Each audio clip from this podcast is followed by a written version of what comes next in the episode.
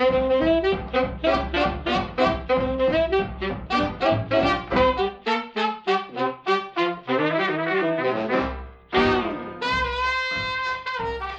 ukrepi so se končno sprostili in tudi studio Dansa spet odpira svoje vrata tečajnikom, plesalcem swinga, swing plesnim entuziastom, skratka vsem. Roke gor tisti, ki ste veseli, kar radijo. Jaz sem definitivno ena izmed teh, ali pa še boljš, en velik, da bi bil swingal na plesišču, takoj, ko se spet odpre. Da bomo pa mečken lažje dočakali ta sicer uh, bližajoč se datum, uh, vam pa ponujemo en cukrček in sicer tantradan, eno urni pogovor z enim izmed učiteljev swinga pri studiu Dansi Necem Zupanom. Ja, verjamete ali ne, ratal mi je neca prpet na stol za eno celo debelo uro, mečkano staviti njegove noge in aktivirati njegov jezik. Pogovorila sva se o enih temah, ki jih mogoče z njim ne morete vedno odpreti tistih pet minut po tečaju, ki se menjavajo skupine ali pa na plesnih večerjih, pa itak sam plešemo. Tako da, če lahko sam na hitro najprej mogoče predstavim neca, zaradi tega, ker mogoče to poslušate tudi nekateri, ki samo firpcate po tej spletni strani. In nečesa še ne poznate, torej Nate Zupan je eden izmed, kot rečeno, učiteljev swinga pri studiu Danci. Je tudi eden izmed prvih novodobnih plesalcev swinga v Sloveniji in zaslužen za to, da se je Lindy Hop, se pravi osrednja zvrst swinga, sploh tako razširila in ukorenila na naših tleh. Nate je tudi ustanovil prve swing plesne skupine, oziroma je bil eden izmed ustanovnih članov pri nas in ima zelo, zelo bogat bogato ozadje, ne samo z področja plesa, nastopanja, ampak tudi športa nasplošno en kup enih interesov, veščin, tudi glasbenik je jim grede, ima, ki se pravim, verjetno zna koga tudi presenetiti, kaj vse je ta človek v svojem življenju že doživel, kaj vse, s čim vse se še vedno ukvarja in s čim vse še, se še bo. Z Necem smo se pogovorili mečken o njegovih izkušnjah, seveda sem pa tudi mečken hotla povrtati v njegovo glavo v smislu, kako tak kreativen, navdušen, pozitiven in radodaren človek in plesalec razmišlja, kaj se mu tam mota po glavi. Um, mogoče tudi, kar je mene najbolj zanimalo, na kakšen način si v bistvu Nec oblikoval eno življenje, eno plesno življenje, oziroma življenje polno plesa in kreativnosti, čist po svoji meri. A vas zanima? A vas? A vas zanima tudi, zakaj je recimo nečeva mama včasih govorila, ki je še kot najstnik prihajal domov, da smrdi po zaklonišču? Ali pa kakšna je povezava med nejcem in besnimi glistami? Ali pa s katerim nenavadnim športom se je par let nazaj nejc še zelo aktivno ukvarjal in kateri inštrument si že celo življenje želi igrati? In ga osvojiti. Hm, to pa še marsikaj zanimivega lahko zveste v naslednjih trenutkih. Evo, to je moj pogovor z Necem Zupanem. Usedite se, sproste se, uživite.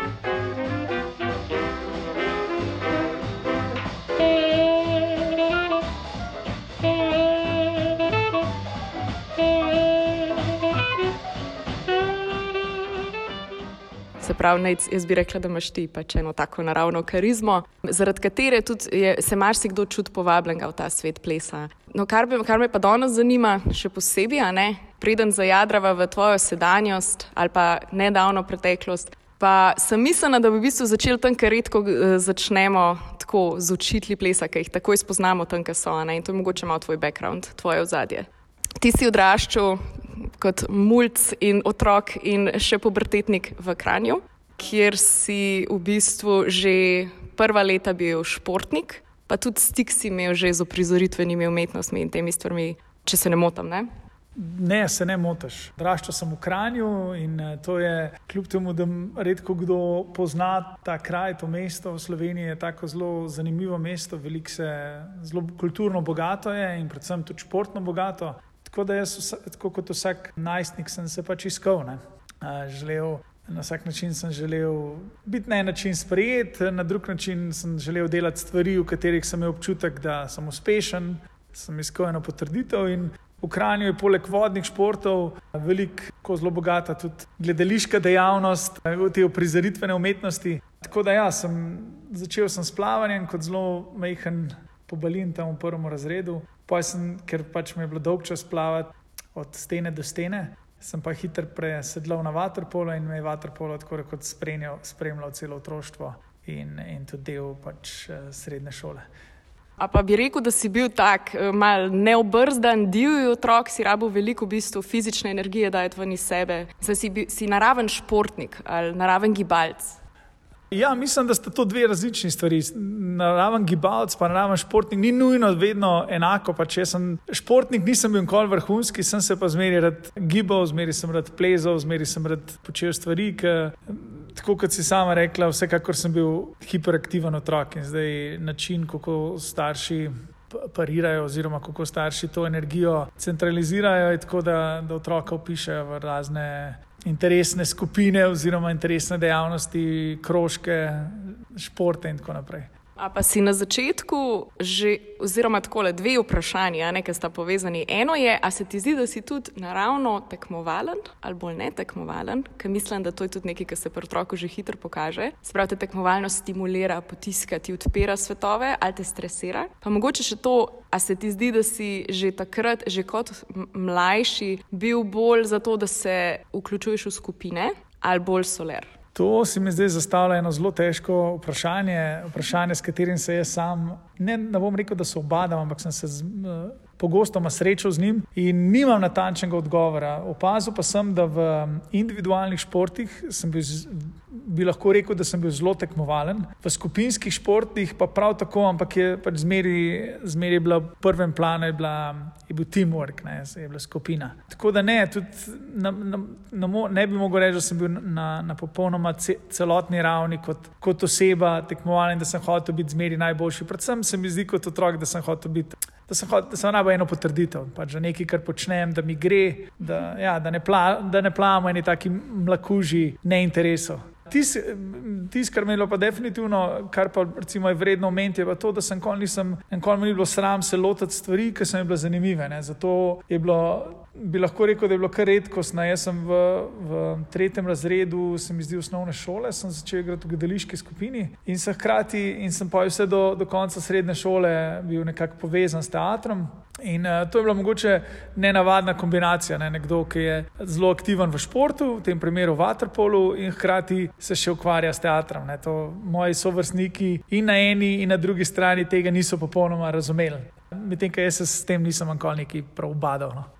Ja, odlično si zdaj odprl točno to temo, ki sem jo hotel tudi sama. In kje, kje tukaj v tvojih zgodnih eh, pri športih, pride pol ta manjko, ki ga je zapolnil teater, pa kaj točno na teatru v bistvu je bilo tisto, ki te je ful privlekala. Je bilo to ta igrivost, nastopanje kot tako, se pravi ta neka posebna pozornost, občinstvo, občutek tega, da je mogoče malo tvegano. Zdaj mi sem polaga mene ideje naprej, ampak nekaj je moglo biti tam po čemer si hrepenel, da je to tako padlo lepo noter. Ja, težko bi govoril o enem manjku. Se mi zdi, da so se te stvari dogajale kar usporedno. Nisem nikoli definiral, da bi mi nekaj manjkalo in da bi to mogel zapolniti z, z eno specifično dejavnostjo. Teater mi je bil zanimiv, zato ker smo vsakič, ko smo igrali kakšno, um, igro, seveda si imel drugo vlogo in si se mogel prvič poglobiti v vlogo, drugič smo kot, kot mladi smo zmeri skrbeli za, lasten, za lastno masko. Tako da smo bili primorani od tega, od kostuma do maske in za vse nekako poskrbeti sami. Bil je dober korektiv, zelo dober pedagog, eh, Lojze Domanko. In um, ja, se mi zdi, da mi je bilo zmeri, ko sem bil na odru in ko sem lahko se prelevil v eno drugo osebo in uh, imel take posebne, nenavadne, ne vsakdanje interakcije z svojimi igravci, da mi je to očitno ponujalo eno, eno posebno zadovoljstvo. Mm, kje sta pa tukaj trema oziroma pogum? Ker nekateri ljudje, recimo, bi prej umrli, ker šli na oder stati pred ful ljudi in se izpostaviti kukorkoli ali preko vloge ali preko česar koli drugega. Že nekaterim je že javni nastop v šoli, imeti kakšno govorno vajo težko. Kako se je to pri tebi, kako si se počutil, kako, si imel kaj težav s tem?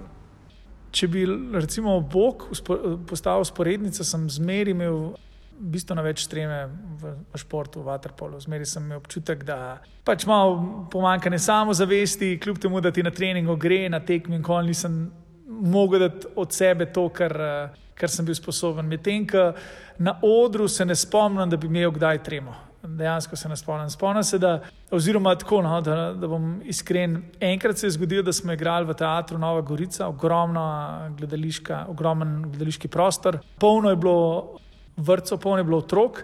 In se je v enem trenutku zgodilo, da je zmanjkalo elektrike, oziroma da glasba ni funkcionirala. Je, to je bila edina stvar, ko sem jaz, ker edini način, da, da je šla predstava naprej, je to, da sem jaz nagovoril pač par sto glavo uh, publika. No. Glede na to, da takrat nisem niti enega videl občinstva, ker so bile vse luči ob, um, obrnjene na oder, seveda.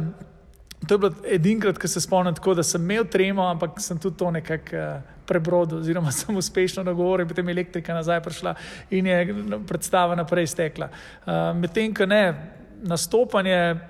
Sem iskal, tudi sam sem iskal razlog, zakaj nisem enkoli treme in uh, ga do zdaj še nisem najdel.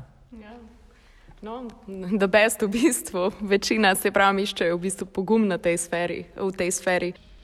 Se pravi, kako, kako se je pa potem ta pot v Vatorpolu zaključila oziroma prelevila v neki drugega in tudi pot v teatru?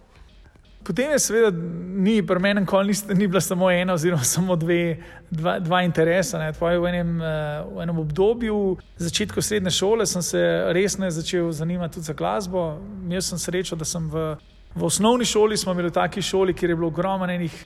Nekaj je bilo glasbenikov, ogromno je bilo pa ljudi z različnimi glasbenimi interesi. In ker je bila eh, moderna šola, Matija Čop, eh, bila je zgrajena leta 1988, Smo imeli v, v, svojem, v šoli imeli tudi šolski radio, cel studio in smo mogli snemati šolski ta, študijski krožek, oziroma radijski krožek. Je mogel enkrat na teden posneti oddajo, ki je 15-minutna, ki se je vrtela med, se mi zdi, da je bilo v četrtkih med glavnim odmorom. In uh, smo imeli kot učenci imeli dostop do ogromne količine glasbe. Hkrati je imel oče doma ogromno zalogo glasbe, pa še živel sem v, v bloku. Bil sem sosed Marka Matjašiča, eh, izvrstnega kitarista in eh, tudi prek njega sem ogromne glasbe eh, spoznal prek prijatelja od očeta. Tako da, ja, ko, je nastopil, ko, ko je nastopil prvi letnik srednje šole, je imel en kolega, tudi v Trpolisti, sicer on je bil takrat glih četrtletnik, mi je glavnih odmorih zmeri govoril, ja, da ima bend in jaz sem ga zmeri sprašoval, kako gre in uh, ste dobili že nove člane, ker vem, da je iskal pevca in kitarista in, in tako naprej. On je namreč igral bas in potem v enem trenutku mi je rekel, ja, veš, da nisem, vsi, vsi so šli, oziroma noben je pokazal ta pravi interes. Sem rekel, pa da je mogoče bi pa jaz začel pet, ne? ker ne, ne, ne znam nobenega drugega glasbila. Iz glasbene šole so me vrgli eh, pri šestih letih v pripravljalnici glasbene šole na podlagi tega, da nisem mogel biti primir in nisem mogel risati in, in pet pesmice, tako kot ostali prisotni. Tako da je pedagoginja takrat prosila starše, da me pripeljejo nazaj. Ampak zmeri bila ena ta želja, da bi jaz sem blazno sem se želel violino igrati, to se pa ni materializiralo. In uh, vse, kar mi je preostalo, jaz sem rekel, pismo, jaz pa bi probo bendu, se mi zdi, da je to neka taka fajn stvar. Jaz bi probo bendu špilati in te bom pel. V tistem trenutku sem se definitivno zavedal, da nimam najboljšega posluha, ampak se je bilo pa res, da sem vedno rad pel. Tudi v, sredi, v osnovni šoli, vedno, ko je eh, profesorica za, za glasbo, smo jo vprašali, no, ali bomo danes peli, sem jaz en izmed redkih, ki je zmeril, da ja, gremo pet. In vsi so imeli zaradi tega en večken, pač so imeli večken sovražen, ker so pa dejansko mogli pet. No, in to, to je bila ena taka usporednica s, prav, s teatrom, Waterpolo in tudi uh, smo, smo ustanovili bend. Najprej smo špilali uh, punk, ampak smo se nekako tako skozi pogledovali za ska glasbo, tako da je bil punk, ska. Pisali smo svojo glasbo in, uh, in celo srednjo šolo, praktično celo srednjo šolo smo imeli poj bend, na začetku smo se imenovali Gromska strela, potem kasneje samo Gromska. In smo bili v bistvu prvi bend, ki je v Sloveniji tako malo resno začel skygrati. In smo tam v okolici Kranja, pa pa je kasneje tudi po, po Sloveniji igrali, kar po, kar smo, smo kar imeli neki koncertov in ob tem smo se valjda super zabavali. Obstajajo kakšni posnetki teh koncertov, oziroma kakšni demoti?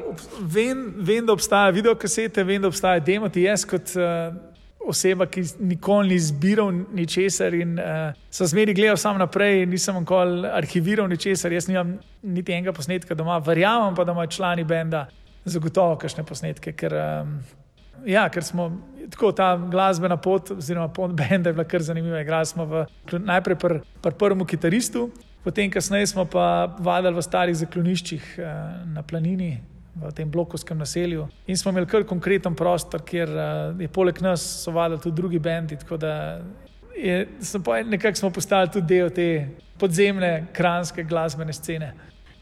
Kakšna je potem Kaj je glavna razlika bila med odrom, med gledališkim odrom in med pevskim odrom? Kaj je bilo tisto, ki ti je dodatnega ponudil um, glasbeno življenje, življenje glasbenika?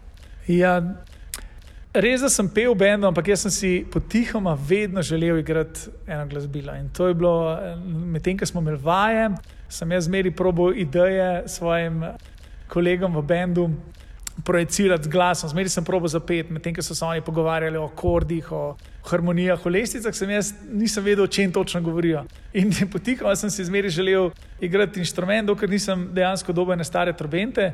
In to je bilo leta 98 in potem sem kratko malo obsesivno začel vaditi to trobento. Na ta, račin, na ta naču, račun sem tudi počasi previdel, da, da pač v Waterpolu, v Waterpolu moji sovrstniki, ki so bili večinoma življenja za glavo nižji od mene, so kar naenkrat postali za glavo in pol višji, za 30 kg težji. In sem videl, pač, da moje telo ne bo premoglo teh naporov več. Oni so se malo bolj profesionalizirali v tem športu. Jaz sem se na, na, na podlagi glasbe tudi poslovil od Waterpola in, in začel bolj aktivno vaditi trobento. Do te mere, da sem vadil tudi po, po šest, eh, šest ur na dan v tistem zaklonišču. Zmeraj je bilo zanimivo, ker sem prišel domov zvečer. Je mama rekla, da se točno že na vratih vem, da si bil v zaklonišču, ker smrdiš po zaklonišču, po tistih zatoklih prostorih, ker sem jaz pihal trobento.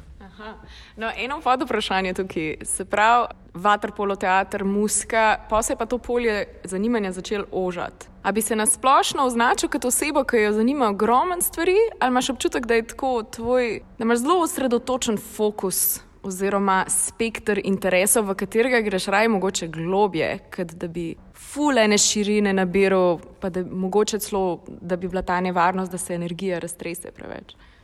Ja, to bi si včasih celo želel, da bi bil sposoben tega fokusa. Jaz žal nisem in sem zmeri, zmeri karkoli sem počel, sem imel nekaj interesov. Nisem, se nisem mogel stoprocentno profesionalizirati enako je bilo pr, um, tudi v teatru, v glasbi, takrat usporedno nekako z, z bendom. Ne.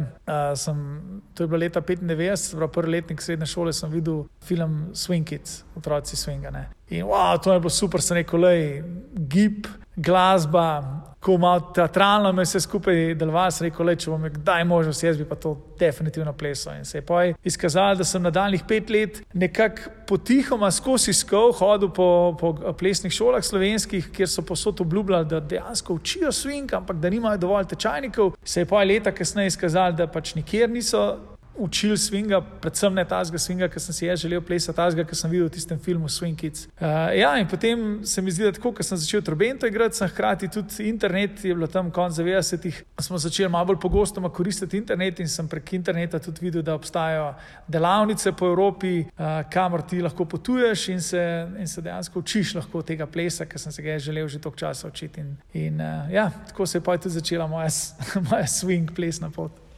Okay, definitivno bo vas Buciko prepela ta timeline na tej točki, pa se k njej vrnila. Ampak preden greja naprej, me pa nekaj res ful zanima. Se pravi, ti si oseba, ki je v svoji karieri, vsaj v plesni karieri, ki jo jaz najbolj poznam, ogromno ustvarila in imaš neverjetno delovno etiko. Že sam si prej omenil, da si po šesti, ne vem, koliko ur na dan uh, vadil trobento. In me sam zanima v bistvu, točno to, glede na to, da praviš, da fokus je malo problem včasih, da te bolj vleče na več koncev, se pravi, ni fokus tisti, ki te tako dobro drži pri nečemu, da pride do, zdaj bom to besedo uporabljal, no, ker vem, da je sam ne bi, ker si skromen človek, ampak do odličja. Ti si v ogromno stvarih, ki si jih poskusil, si neki tudi naredil, ali pa tako, da jim reč bolj po domače. Ne? Nekaj si naredil iz tega, nekaj si imel za pokazati, imel si neke take močnejše uh, rezultate, če lahko spet v narekovajih tako rečem. Ne?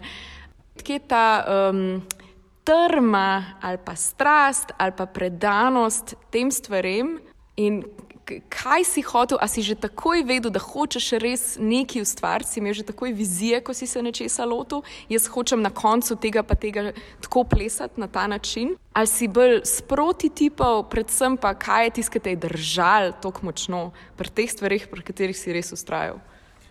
Ja, analiza je paraliza. Jaz, meni, jaz sem kon, nisem ničesar planiral v življenju. Vse se je zmeri zgodilo. Bizno, zelo, bi lahko rekel, da sem zelo um, impulzivno deloval. Tiste stvari, ki so me interesirale, tiste stvari sem delal. In temu rečeno, zato sem tudi s težavo srednjo šolo izdeloval, to sem tudi s težavo faks, zato ker sem zmeri poleg teh obvez počel še toliko drugih stvari in um, tem stvarem namenjal dobršen del časa. In zelo težko bi rekel o eni perfekciji, ne, da sem karkoli delal zelo, zelo, zelo dobro. Se mi zdi, da je, bolj, da bil bolj timing, je bilo dejstvo, da, pač, da sem bil en prvi, ki sem s Swingom začel, uh, da smo skabli takrat ta prvi bend. Uh, Zmeri se mi zdi, da je bil tak timing, da tiste stvari, ki so me interesirale, niso bile popularne in na račun tega, ker niso bile popularne, sem lahko tudi jaz. Ne, mislim, nekako podzavestno ne vede dosegel te rezultate ne, težko bi govoril, da sem imel ogromen fokus. Ker če bi imel ogromen fokus, potem bi verjetno bil veliko bolj uspešen v, v marsikateri stvari, kaj počnem. Se mi zdi, da gre bolj za timing, no, bolj za srečo. Splet okoliščin. Veš, kam je všeč, v bistvu, lih tukaj bi se še malo ustavila. Ampak imaš občutek, da si malo upornika?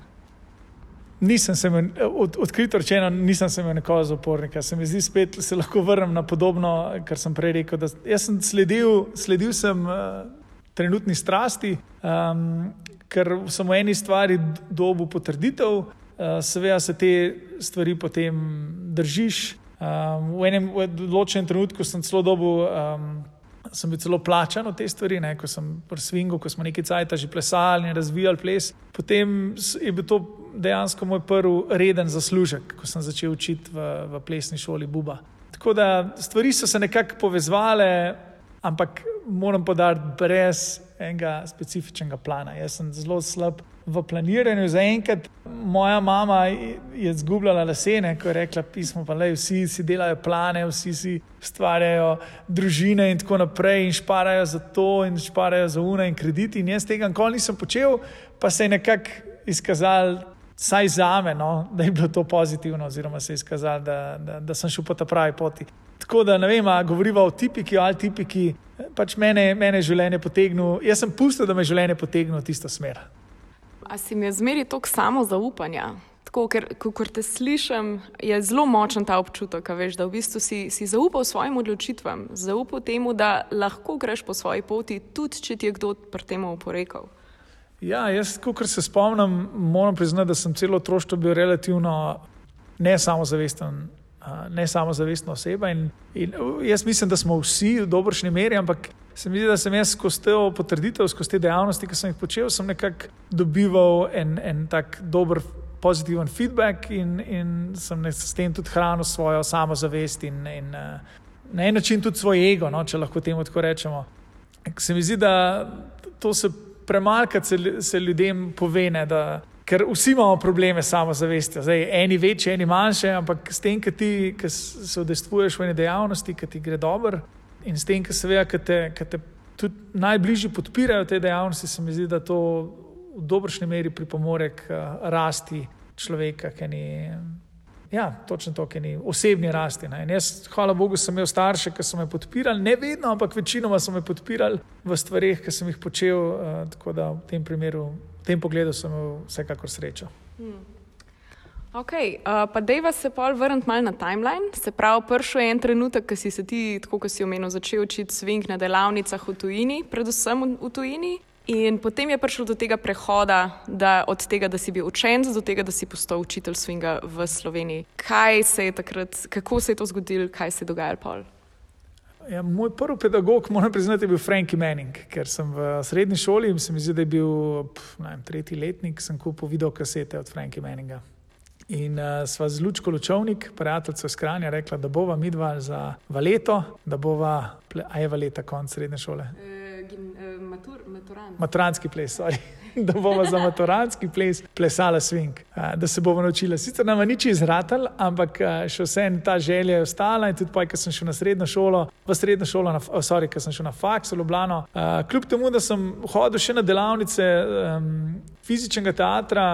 Branko Potočenu, pa, pa tudi par drugim pedagogom, sem se zmeraj nekako v zadju, sem se zmeraj želel, da bi se svingom začel bolj ukvarjati. In potem sem gledal črno-bele filme, šel sem na eno delavnico v London, oziroma sem dejansko šel v London obiskati ene družinske prijatelje in potem čez teden obiskal vse lokalne swing tečaje, ki so bili v Londonu. Mislim, da sem jih ene pet dal čez. Tako da vse tiste pedagoge, koncem 90-ih, začetku 2000, ki so v Londonu takrat učili, sem jih jaz v tistem tednu spoznal. Ker sem prišel domov v Slovenijo, pa nekako tu ni bilo ljudi, ni bilo tečajev, ni bilo, ni bilo podobnega interesa. No? In se mi zdi, da je potem trajalo še kakšno leto, dve, da, se je, da so se poti križale s Sajlesom, Šinkovcem in da se je potem swing začel razvijati tudi v Sloveniji.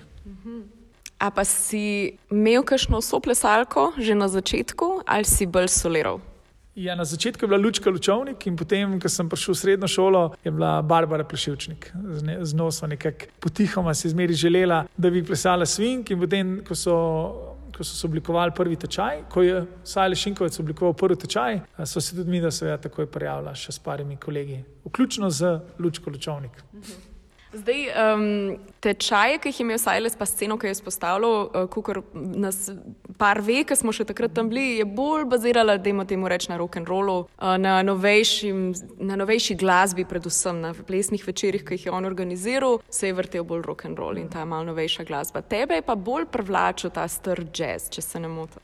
Mi nismo vedeli, mi, ko, jaz, ko sem Sajlesa najdel, doma sem uh, barval stene in sem seveda z Klej lahko govorijo o fokusu, ki ga nikakor nisem imel, seveda tudi o barvanju sten. Sem hitro začel brati časopis, ki je bil po tleh. In sem dejansko tam v, na, na časopisu videl, da je par plesov, plese 30, 40 in 50 na a, noč na Ljubljanici, mislim, da je bilo nekaj tasga. In sem jaz prek um, uredništva dne, dela dnevnik, ne spomnim se točno, najdu, uh, najdu Silesa in uh, ko smo se s Silesom spoznala, sem mu povedal, da si že toliko in toliko let želim plesati swing. In sem rekel, da če boš kadarkoli imel tečaj, jaz imam dve kolegici in še enega kolega, in vsi smo zainteresirani, vsi bi začeli s tem plesom, če, če bi le bil kje kakšen tečaj. No? In se mi zdi, da to je bilo tudi en tak dodala, dodaten puš, ki ga je on potreboval, da je, da je vzpostavil, da je organiziral, prv, prv, da je organiziral ta prvi tečaj. Uh, hkrati bi on, kot si sama rekla, bil seznanjen z roka bili sceno v Ljubljani. In na tem prvem tečaju so se pojavili točno to. So se pojavili mi, ki nismo vedeli niti kaj je natančno swing in kaj je roka bili scena. In te roka bili, in vsi smo bili del, del tečaja in tam smo plesali. Uh,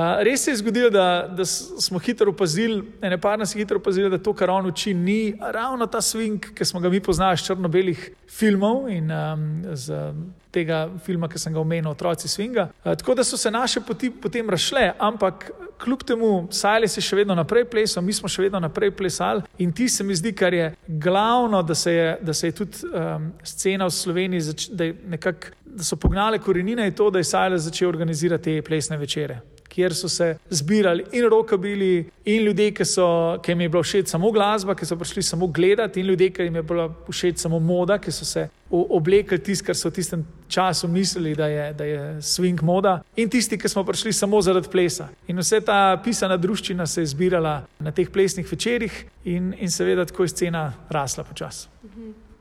Nekaj, kar se mi zdi, da je bilo takrat, pa ne vem, mogoče popravi me, ker ti si bil bolj notor v sceni na začetku, ne navadno, oziroma še, še ne tako raziskano v Ljubljani, je to, da se je v bistvu ples prenesel v nek javni prostor. Tako, kot si rekel, prostor, v katerega so lahko vstopali tudi ljudje, ki so si želeli to samo ogledati. Kako se ti zdi to pomembno za celoten nadaljni razvoj, pa tudi začetek te scene? Meni se zdi, da je bilo v teh prejšnjem desetletju, se pravi začetku 2000. Ja, ja, je bilo, je bilo salsa in tango in posledično tudi swing. So bili te plesne večeri, so se odvijali bolj na očeh mimo idočih. Se pravi, si na večjih punktih v Ljubljani si lahko videl, kako ljudje plešajo v manjši v manjšem plesalci, v manjšem številu, ampak je bila ta interakcija med mimoidočimi, med ljudmi, ki so samo pokukali skozi okno in videli plesalce. To se je zgodilo bolj pogosto, kot pa zdaj, ko, se, ko se je večinoma teh plesov nekako povlekla v plesne studije, v plesne dvorane, ki pa so vedno nekako odmaknjene, ki so skrite. Ne. Zdaj, da ne bom slučajno komu delal krivico, verjetno se še dvija ples tudi v, bolj v centru mesta in bolj na očeh ljudi, ampak vsekakor ne v tolikšni meri kot takrat. In takrat se spomnim, da smo plesali na, med drugim tudi na gradu Kodeljevo, kjer so bili ob določenih dnevih swing, ob določenih dnevih salsa, ob določenih dnevih tango. In grad Kodeljevo je bilo ne samo, da je bilo je bilo zelo frekventno mesto, ker so ljudje, ki so bili zraven športni objekti, zraven so bili parki, kamor so ljudje prihajali tudi samo na kafe. In seveda so zelo pogosto videli potem te plesalce in so rekli, da wow, se nekaj dogaja. In mi smo odvrnili, da ja, pridite čez dve uri, takrat bo še lahko done, takrat bo švic po, po stenah tekel. ker nas bo tok plesal. In, uh, in ja, se je večkrat zgodilo, da so ljudje zajadrali kar od nekot. Ne. Zdaj, zdaj večinoma se mi zdi, da, tako, da če ljudje pridejo plesati, je zato, ker se sami zanimajo za ples ali pa dobijo kakšen letak ali pa dobijo prek Facebooka kakšno reklamo. Ne. Takrat so ljudje prišli na ples oziroma so odzvali temu bolj na podlagi tega, kar so v tistem trenutku videli in so rekli, wow, meni pa ta glasba všeč, meni pa fajn, kako se ljudje družijo. Ej, ja, veš, da bom jaz tudi prišla pogledati ali pa prišel pogledati. Um, a pogrešaš malo v bistvu te momente? Recimo, samo, če se omejiva samo na swing sceno, pa postiva tango salso. Seveda veva, da so tudi v kavarni Union še vedno potekajo te swing plesni večeri, ki so bolj izpostavljeni, ampak tudi. Se strinjam, no, da sem tudi sama opazila mečken zapiranje tega prostora oziroma umikanje v zasebne prostore in da je nekak drugačen občutek na teh plesnih večerjih, tudi za tiste, ki že dolgo hodimo na te družabne večere. A pogrešaš to, ali se ti zdi to naraven razvoj, se ti zdi to v redu, ali mogoče malo obojega? Mislim, da ima pozitivne in negativne lastnosti. Pozitivne zato, ker uh, končno nam ni treba moledovati za plesen prostor uh, po raz, raznih kavarnah, kjer so nas zmeri grdo gledali, ker nismo dovolj zaužili dovolj pijače, dovolj alkohola, se pravi, da jim nismo naredili dovolj prometa. Zdaj večino plesnih šol imajo svoje dvorane, imajo pogosto tudi bare oziroma uh, lahko tudi sami točijo pijačo. In jim ni več tega, tega treba skrbeti. Ni več, po drugi strani pa ni več interakcije. Ljudje pogosto prihajajo v, v isti prostor znova in znova in znova, te raznolikosti, te nepredvidljivosti ni več. Takrat, tudi kar tiče plesnega znanja, smo, smo bili bolj impulzivni, bolj smo delali tisto, kar se nam je v tistem trenutku zdelo fajn, tisto, kar se je zabavalo. Predvsem smo plesali na, zelo, na precej hitrejšo glasbo, imeli smo manj tehnike, ampak smo veliko več riskirali. Zdaj je, se mi zdi, da, da se je na podlagi tega, da lahko ja, vsi plešajo, so se tempi upočasnili in uh, te spontanosti, mogoče ni, ta spontanost ni več toliko krat prisotna, kot je bila takrat. Mhm. Imamo pa svoj prostor, imamo pa nekaj, kar lahko reče, ker večino plesnih šol ima svoje prostore in lahko rečejo, imamo svoj dom, sem se lahko, sem lahko pridemo vaditi, sem lahko pridemo početi. Um, To imamo lahko sestanke, in se mi zdi, da vsekakor je plesna scena veliko bolj raznolika na podlagi um, številčnosti dogodkov, um, ampak uh, tista spontanost pa ni, pa, spontanosti pa ni več. Mm -hmm. to, to bi lahko skozi z gotovostjo rekel. Yeah. Deva se mečken vrniti na časovnico, mogoče malo sam preskočiti. Na eni točki se je začela vzpostavljati, se pravi, sporedna scena, ki je bolj bazirala na starem stilu swinga, se pravi na Lindy Hopu, na tej najbolj razširjeni zvrsti uh, v, v originalnih swing plesalcev. In um, začele so se tudi pojavljati prve plesne skupine, ki so izvajale izključno Lindy Hop in ti si bil eden izmed ustanovnih članov.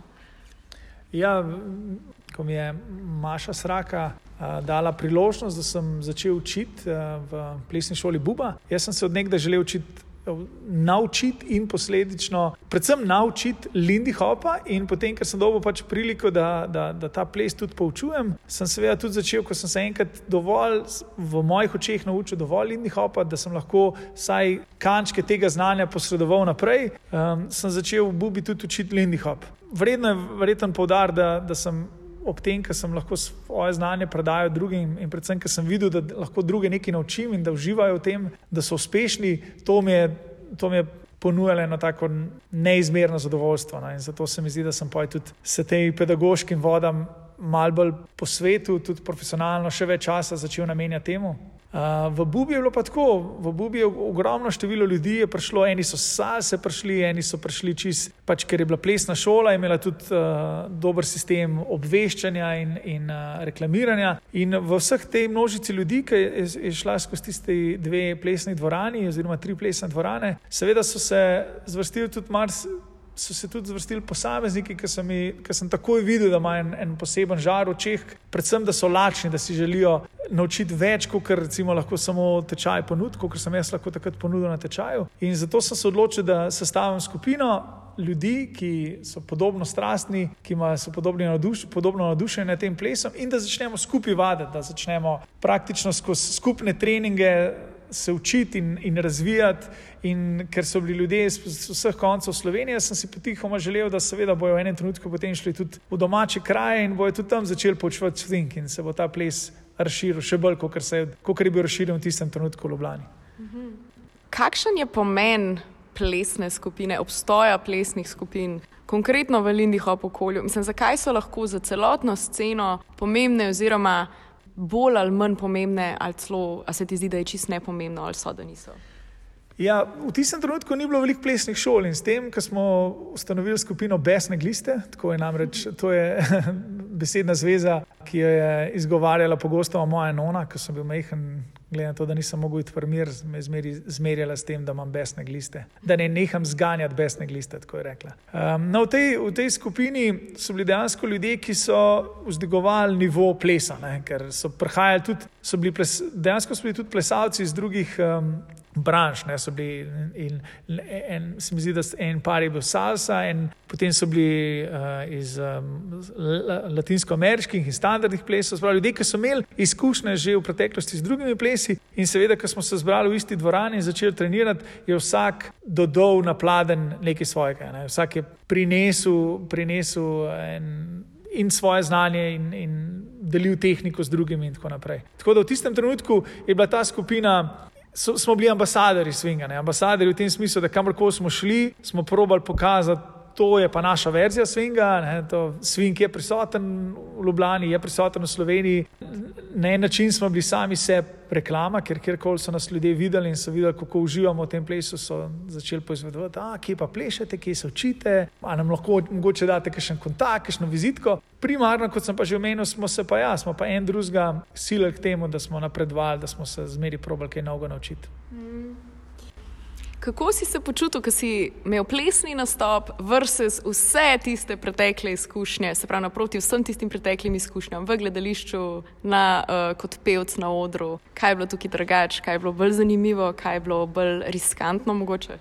Ja, po vseh teh, ko sem začel prvič nastopati eh, plesno, ko sem se prvič znašel na odru, je minilo že kar nekaj časa, odkar sem bil na zadnje na, na teatru na odru, oziroma z Bendom, pa sploh z Bendom smo nehali igrati uh, koncem 2000, uh, se pravi koncem 90-ih. In, um, ja, in seveda so se te občutki se malo vrnili, bil je pa drug, malo drugačen občutek. Ne, si, oziroma najbolj, najbolj podobno je bilo mogoče, uh, ko, sem, ko sem bil ko sem še pel pri Bendu, ker takrat, ko sem pel pri Bendu, sem vse čas skakal po odru in z odra dol in vlekel mikrofon med, med publiko in nazaj gor. In tako sem bil zelo, zelo aktiven, zelo dejaven. Um, Član benda, enkrat je še celo en menedžer enega drugega benda omenil, da mogoče bi, mogel, bi mogli mi uh, svoj akt, svoj show, bi mogli malo uskladiti, ker če so vsi ostali tako mirni na odru, kako da je pevec zdaj tako podivjan. No, na tem pogledu je, je bilo to najbolj podobno je bil plesen nastop, sopi so bili najbolj podobni temu. Hvala Bogu, sem bil obkrožen z, z ljudmi, ki so bili prav tako fizično sposobni in, uh, kot jaz, tako da sem bil le del množice, nisem več izstopil, kar mi je čisto odgovarjalo. Ja, eno tako bolj splošno vprašanje, pa se mi zdi pomembno. Kakšen, um, kakšno vlogo ima tukaj publika za te? Ker vse je tako zelo izrazita rdeča nitka, jo tudi tukaj vidim, je, da, da gre vedno za en tak instanten odziv, oziroma za živ odziv napram, naprimer, nekomu, ki snema pred kamero, ali pa ne vem, pesniku, ki privatno piše pesmi, pa je tudi izpostavljen na drugačen način. Kaj dobiš od tega, mislim, ker nastopaš in je ta. A je ta spontanost, impulzivnost, to, da ne veš, kako se bojo odzvali, da se moraš potruditi, a je nekaj na tem, da je prav živa publika? Ja, se mi zdi, da mi, ki smo na, mi s plesno skupino, s besnimi glistami, nikoli nismo bili primarno postavljeni na velik oder, ampak smo, se mi zdi, nekako iskali to mejo med družabnim plesom in šov plesom. Tako da smo imeli prisotne tudi uh, kar dobršne kose nastopa, kjer bilo, kjer, ki so bili improvizirani.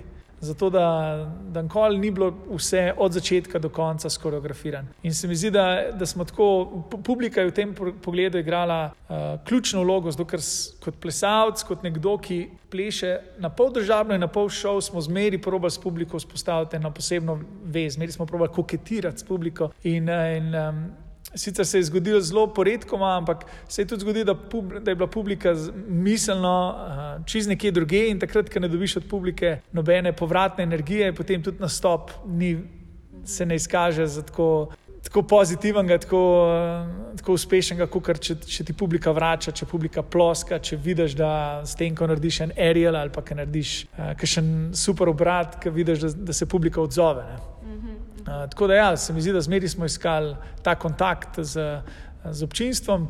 Se je potem tudi zgodilo, da smo nastopili na večjih odrih, ampak to se mi zdi, da, da, da je bilo pa, bi lahko rekel, da je bila ena popolnoma druga pot, ker tam, ko smo nastopili recimo na, na koncertih znanih glasbenikov ali pa ko smo nastopili na televiziji, takrat je pa mogel bolj kot ne biti vse skoreografirano od začetka do konca. Ti smo začeli bolj postajati kot nekaj podobnega jazz baletu, oziroma Broadwayu, kot pa dejansko swing, kjer še do dan danes mislim, da ta element improvizacije, nepričakovanega, neplaniranega, mora biti prisoten, ker to je, je baza te, te plesne oblike, kakšni bi celo rekli umetniške oblike, te plesne oblike. In, in nekaj, kar bistveno, po čemer se swing bistveno razlikuje od ostalih plesov. Mm. Potem enkrat na eni točki spet pride v spredje tujina in poti v tujino, in tudi plesna tekmovanja. Se pravi, kako, kako je šel potem naprej ta razvoj, oziroma zakaj tujina, zakaj to vračanje v tujino, in kdaj in zakaj odločitev za plesna tekmovanja. Plesna tekmovanja so prišla bolj spontano, zato ker mi pri Swingu nimamo, nimamo uradnih plesnih tekmovanj, Swing ni športen ples in se večinoma plesnih tekmovanj odvija na plesnih festivalih. Se pravi, ko se ti ali obiskuješ plesen festival, ali si kam povabljen kot pedagog in eh, čez dan učiš. Tečajnike so pa zvečer zmeri organizirana plesna tekmovanja ali mešana med, med eh, manj in bolj izkušenimi, ali samo bolj izkušeni plesalci, ali samo manj izkušeni plesalci, ampak zmeri imaš priliko, da se da tekmuješ, In spet, sem, in spet sem prepričan, da je to en, en izmed ključnih elementov swinga, glede na to, da je swing kot ples, sploh Lindy Hop, nekako je bil oblikovan v teh afroameriških skupnostih v, v Harlemu.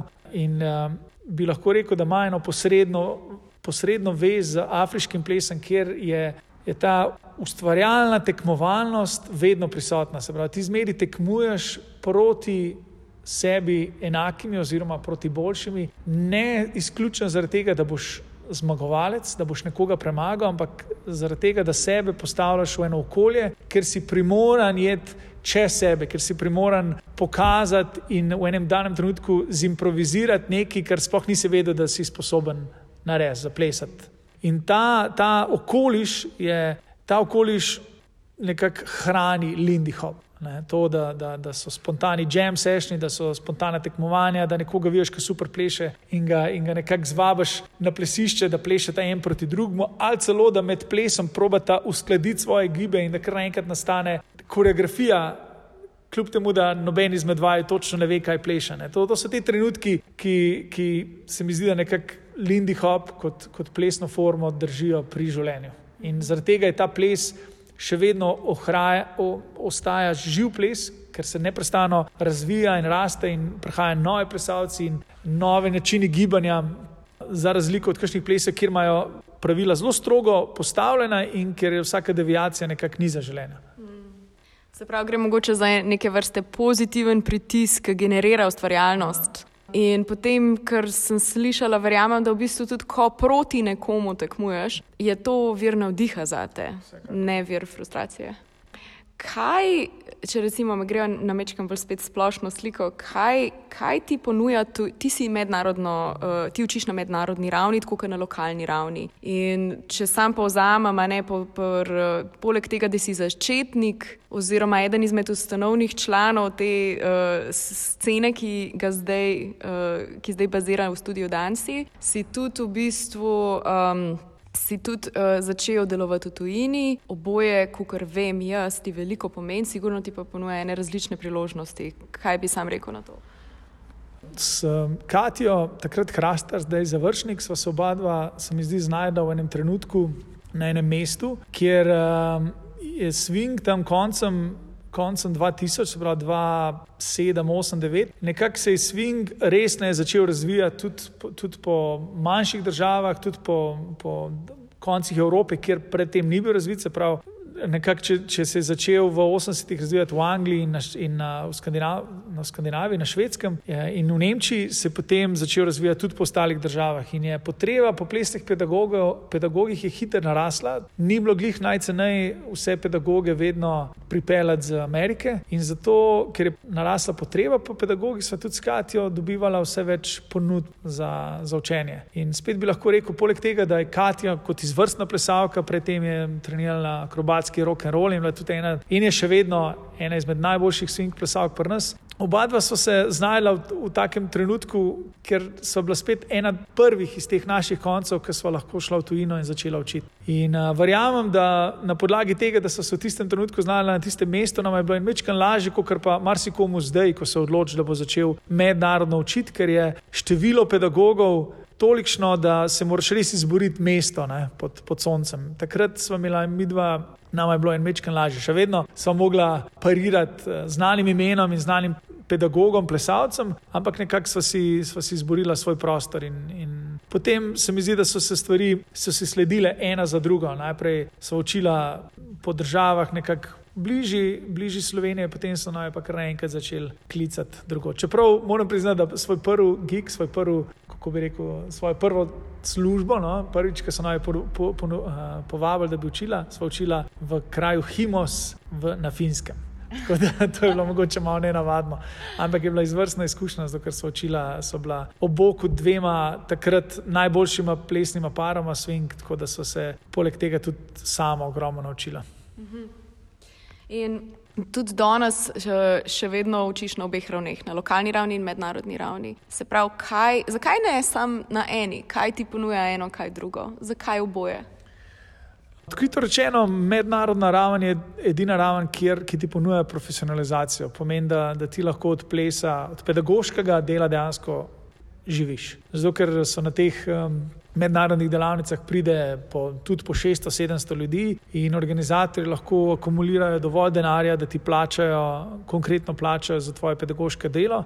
Medtem ko, če učiš na, bolj na lokalni ravni, se mi zdi, da še vedno lahko človek od tega nekaj zasluži, ne more biti pa to tvoj primaren vir zaslužka. Se pravi, moraš imeti zraven še po vsej verjetnosti še, ne bom rekel običajno, ampak kakšen drug način, kakšno drugo delo moraš opravljati, kakšen drug vir zaslužka. Vsekakor se mi pa vseeno zdi, da je bistvenega pomena, da deluješ tako na lokalni kot na mednarodni ravni. Na lokalni zato, da lahko pripomoreš, da dodaš oziroma da lahko ponudiš eno dodano vrednost, da lahko svoje znanje deliš tudi z, z ljudmi, ki te obkrožajo, takrat, ko si doma, pripomoreš k rasti lokalne scene, pripomoreš generalni rasti scene v Sloveniji, ki se mi zdi, da posledično tudi nekako napaja potem te mednarodne festivale. Ker če ne bi nihče lokalno učil, noben izmed teh mednarodnih festivalov ne bi imel obiskovalcev. Ja. Ker dejansko jih obiskujejo ljudje, ki se med tednom učijo na, na lokalni ravni in potem vsake tok cajta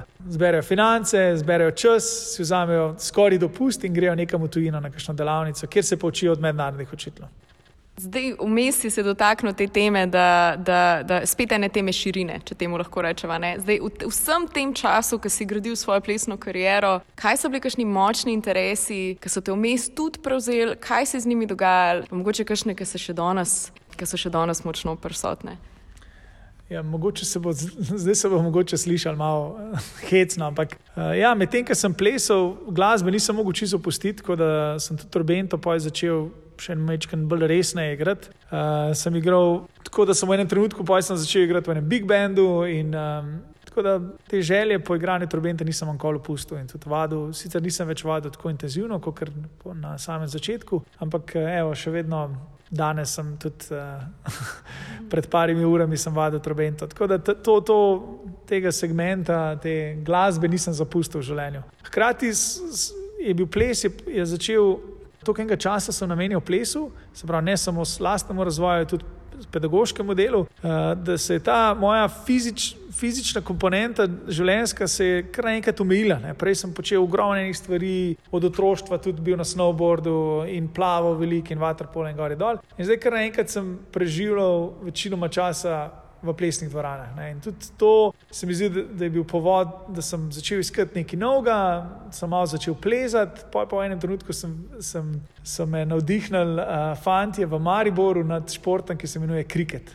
In, uh, in potem spet je stvar čisto spontano stekla. In v enem trenutku sem začel aktivno igrati kriket. Smo v Sloveniji oblikovali še par dodatnih klubov, kar naenkrat smo imeli reprezentanco, kar naenkrat smo začeli igrati v na, sicer na nekoliko nižjem, ampak na evropskem nivoju. In, ja, in to, me, to je bil en izmed interesov, ki me je spet začel uh, navdihovati in ki mi je ponujal na tako posebno zadovoljstvo, ki, ki ga v tistem trenutku nisem prejel od nobenega drugega športa. Pod vprašanje, se pravi, spet gre za nek, da mu temu rečemo, nov ali pa zelo svež teren, ki še nima postavljenih enih velikih struktur, ki se v bistvu še gradi temelje, kriket. Veš, kdo bi pomislil na to? A bi rekel, mogoče, da je tudi stvari, ki te navdušujejo. Ve, vem, da nimaš te, te, tega občutka, da namensko nekam hodiš, ne? ampak da je to nekaj, kar imajo skupnega. Da gre doskrat za en tak flat teren, na katerem se lahko marsikaj zgradi skoraj iz nule.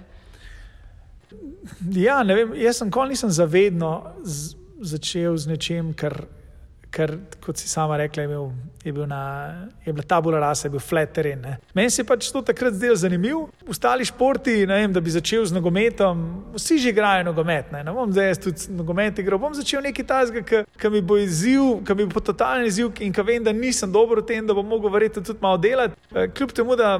Sicer prekrike tu se je izkazalo, da sem to klet vaterpole igral, da zalučati tisto žogco, Marsikomu je bilo težko na začetku, meni ni bilo težko. Ne. Sicer so bili drugi elementi tega športa toliko težji, ampak uh, hitro sem dobil en, en, en tak pozitiven feedback, ki sem rekel, da v tem bi pa jaz lahko, bi pa jaz lahko nekaj dosegel. Spet pa ni šlo, ni šlo za to, da bi, da bi se nadejal, da bom dosegel nekakšne rezultate. Pri kriketu, recimo, čisto specifično je bilo zanimivo, ker, ker je kriket kot šport. Je združeval ogromno ljudi, ki jih v vsakdanjem življenju ne bi nikoli spoznal. In to so bili reče se jim expats, se pravi, fantje, ki so se rodili, in tudi punce, ki so se, ljudje, ki so se rodili v drugih državah in zdaj živijo v Sloveniji, se pravi Avstralija, Anglija, Šrilanka, Pakistan, Indija. In vse te ljudi, ki so del naše slovenske družbe, ampak ki jih ne srečaš, ker se verjetno držijo v svojih krogih, se, so del, imajo svoje lastne interese in drugače ne bi srečal. In tu smo se vsi v tem športu združili, ker ta šport, kriket je zelo prisoten v vseh teh državah, ki sem jih omenil. In, um, Evo, na igrišču je bila kar naenkrat ena tako zelo, zelo pisana družščina ljudi, različne kulture, različni jeziki. Se spomnim, mi smo imeli klub, ki sem ga ustanovil, Škofe Loka, kjer nas je bilo pol slovencev in pol dejansko ljudi, ki so bili iz subkontinentalne Azije, se pravi Šrilanka, Pakistan, Bangladeš, Indija. In uh, imeli, se spomnim, ko smo imeli klubske večere, to je bilo en kup enega smeha, držali smo se en drugemu, ker smo si bili tako različni, hkrati smo občudovali en drugega, ker smo se toliko naučili. Uh, takrat, na koncu bom pozabil, takrat, ko so bili največji problemi z tako zvanimi talibani. Ne. So bili fanti, ki so v klubu, ki so bili iz Pakistana, ki so dejansko bili rojeni oziroma so odraščali blizu območij, odkudar ne bi bili talibani. Malo bolj kulturno razložili, zakaj so ti ljudje takšni, kakršni so, kako jih. Popolnoma napak uh, zahodni mediji predstavljajo, kolikrat se v medijih pojavljajo laži, za katere so oni prepričani, zato ker so dejansko bili in tudi izhajajo iz teh območij. Tako da, ja, skozi Nikoli ni bil sam šport, zmeraj je, je bila še ena tako zelo močna kulturna komponenta. Ja. Uh, točno to sem hotel tudi vprašati, no pa lepo, da si sam povzel. Občutek okolje je vedno bilo tudi del te privlačnosti do dejavnosti, do, do katere si čutil to. Ne?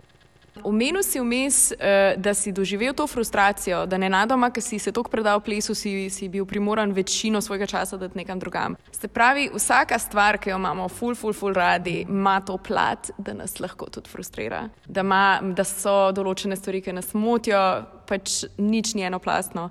Kako si premostil, kdaj kakšne te trenutke, ko recimo ti je padel interes do nečesa, kar si toliko časa že gradil, recimo v plesu, ko si, ko si prišel do enega zidu, ko si mogel sebe premagovati, ko si hotel več od sebe, pa ni šlo, ali pa kakršen koli scenarij je pač bil. A so bili te trenutki in kako si v bistvu jih premustil?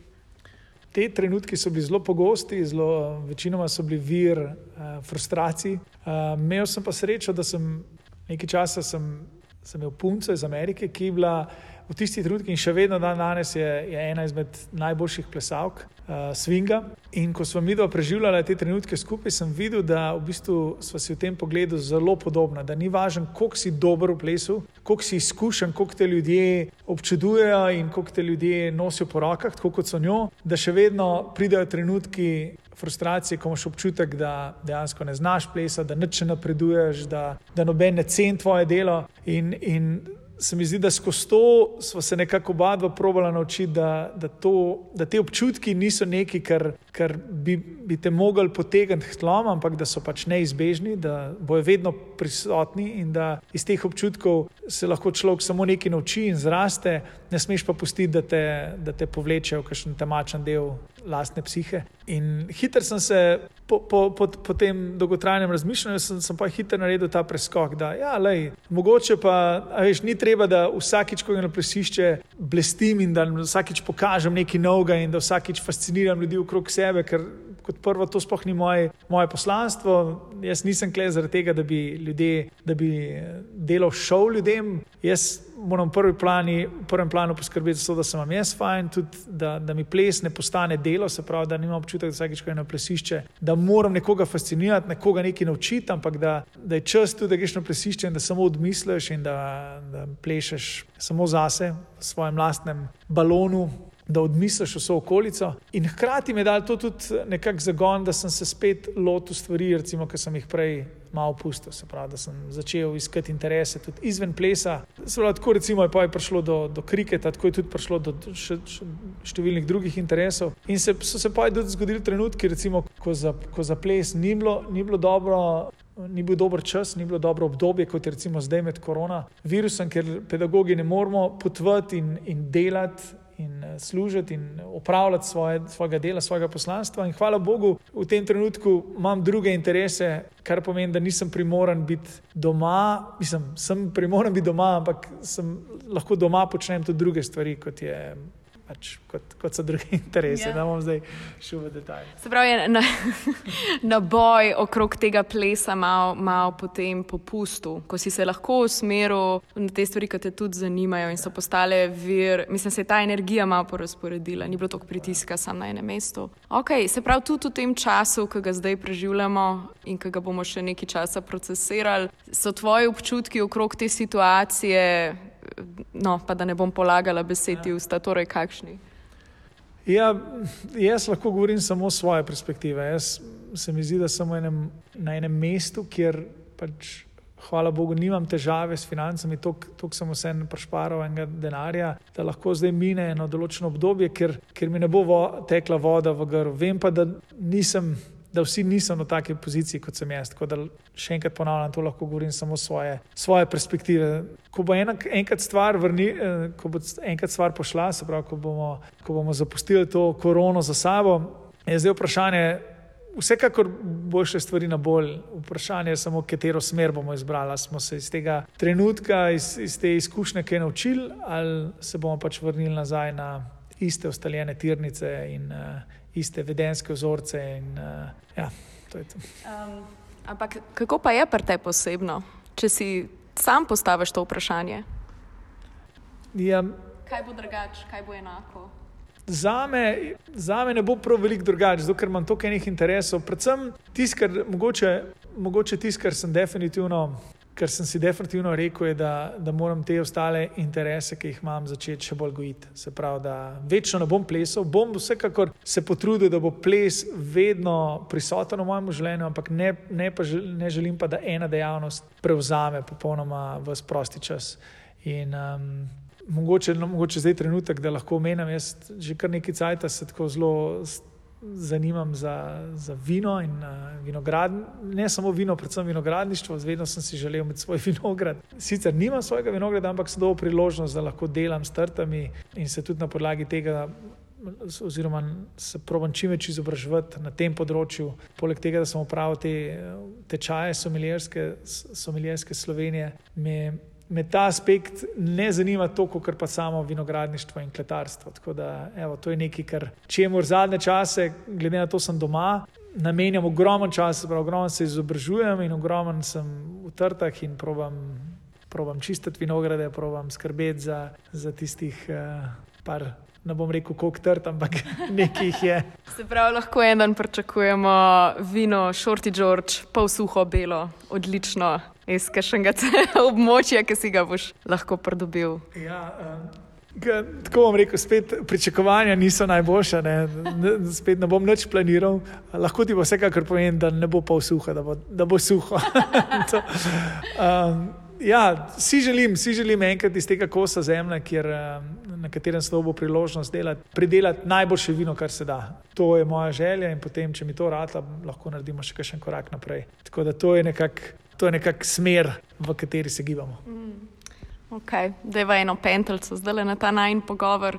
Kljub vsemu je ples tista stvar, pri kateri si najdlje ustrajal. In kaj ti je dala, kar želiš, da da tudi drugim, in upaš, da daješ tudi ti preko svojega dela drugim, ki je zelo specifično za ples in za ta ples.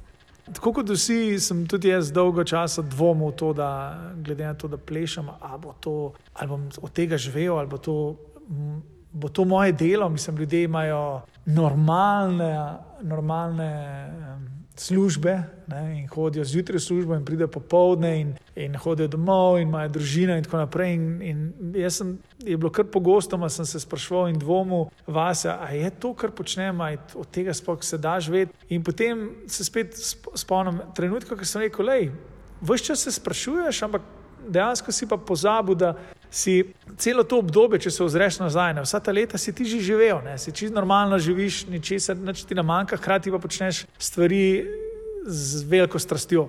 Um, se pravi, nekaj, nekaj počneš, kar, te, kar vsak dan, ko ostaneš, greš z veseljem početi. In to mi je bil nekako odgovor v vprašanju mi je bil, da lej, očitno to, kar počneš, je čisto v redu, ker ti nič ne manjka. Um, in se je tudi izkazalo, da vse stvari, ki sem se jih lotil, ki mi primarno recimo, niso prenašale, um, ki so mi primarno prenašale veliko zadovoljstva, nisem imel pa ene finančne enega finančnega povratka, eh, se je izkazalo, da bolj jih počneš strastjo, prej se kar naenkrat zgodi, da od tega lahko tudi začneš delno živeti. In se mi zdi, da meni osebno, recimo, verjetno niso vsi ljudje podobni, no, ampak meni osebno veliko pomeni to, da lahko počnem veliko različnih stvari in potem skozi vsa ta leta aktivnega udejstovanja se je izkazalo, da dejansko mi vse te stvari lahko tudi malo. Pač mi nekako predstavlja en vir zaslužka. In, in zato, recimo, tudi zdaj v tem trenutku, ki je koronavirus, ker recimo ne morem plesati, pa ne morem dobiti, sprav, nisem plačen te dejavnosti, pa mogoče pride denar od kod drugot. Sicer ne veliko, ampak ja,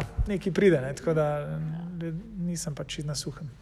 Se pravi, bi rekel, da tvoja občutek sebe, identiteta, eh, tako zunanja kot notranja, je, je v, v strasti, v tem, da počneš nekaj, kar te veseli, s strastjo in radostjo. Okay. No, zdaj pa še tako malo širše za druge. Eno to se pravi, širše sporočilo za ljudi v zvezi s plesom, v zvezi z Lindy Hopom konkretno. Zakaj te še zmerno navdušuje? Zakaj misliš, da bi lahko še koga navdušil? Oziroma, zakaj te, ki jih že navdušuje, zakaj misliš, da jim je to dobro, čisto tvoje osebno? Zdi, so različni segmenti ogromno zadovoljstva mi vsekakor prenaša to, da ljudje, ki pridejo na tečaj, ko jih učim, večinoma, ker recimo lokalno učiva, ne večinoma vse tečaje učiva skupaj z Špelo, Špelo Promerčkle iz uh, Studija Danse. In um, nepopisno zadovoljstvo je, ko vidim, da tisto, kar so jih učila, da so se naučili in da jim to ponuja eno, eno, eno veselje, da jih, da jih to usrečuje. In ko vidiš ljudi zadovoljne in nasmejane in to, da ti je rad ali nekoga nekaj nauči, to to neizbežno ti zariše smeh na obrazu. Drug, drug nekak vir inspiracije oziroma lastnega zadovoljstva je pa to, da še vedno, ko grem na plesišče in ko plešem, pa ne bo to z bolj ali z bolj izkušenimi partnerji ali, ali s popolnimi začetniki, da še vedno čutim, da ko sem na plesišču in ko zaplešem, da se dobro počutim, pravi, da, da nimam občutek, da delam, da nimam občutek, da delam nekaj z, z, z enim odporom oziroma da z eno nujo, ampak to, da vsakeč, ko stopam na plesišče, da, da še vedno uspem sam sebe nasmejati. Hkrati pa tako, ni, ne gre samo za Lindy Hop. Probam, če se le da, probam zaplesati tudi kakšen drug ples. Ne. Probam zaplesati malo salse, uh, probam se malo, malo se spopadam z stepom oziroma te plesom. Tako da tudi v drugih plesnih vrsteh potem človek najde inspiracijo in, in še eno dodatno zadovoljstvo. Mhm. Prav ta kombinacija glasbe pa giba ti je všeč. Okay.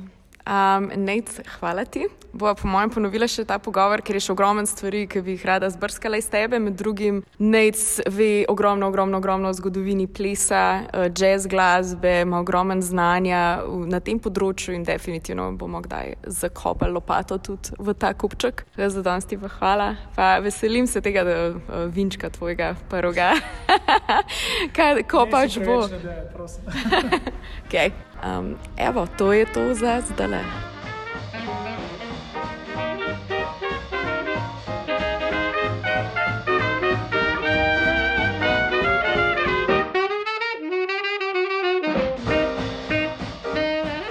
Evo, to je bil moj pogovor z Necem. Upam, da vam je bilo kul, cool, upam, da ste v njem uživali, zvedeli kaj novega, kaj zanimivega, da vas je kaj mogoče celo navdihnili. A imate kakšna vprašanja, imate kakšne teme, ki bi jih še radi odprli, mogoče kakšen komentar. Če ja, potem vas toplo vabimo, da nam to uh, poveste, da mogoče komentirate, ko bomo objavili tale posnetek na našem Facebooku ali pa kjerkoli pač ga boste našli, lahko nam napišete tudi mail. Še boljše, pa če dejansko ob od ponovnem odprtju studia Danse pridete mal mim in direktno neca podsukate za rokav, pa ga še kaj vprašate.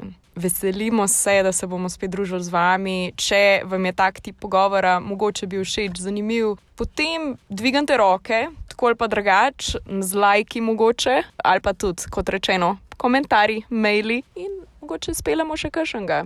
No do takrat pa uživite, spočite si, ne spet takoj hiteti. Razen če je to ob ultra hudem jazz komadu na plesišču, prstudijo dansi. Ajde!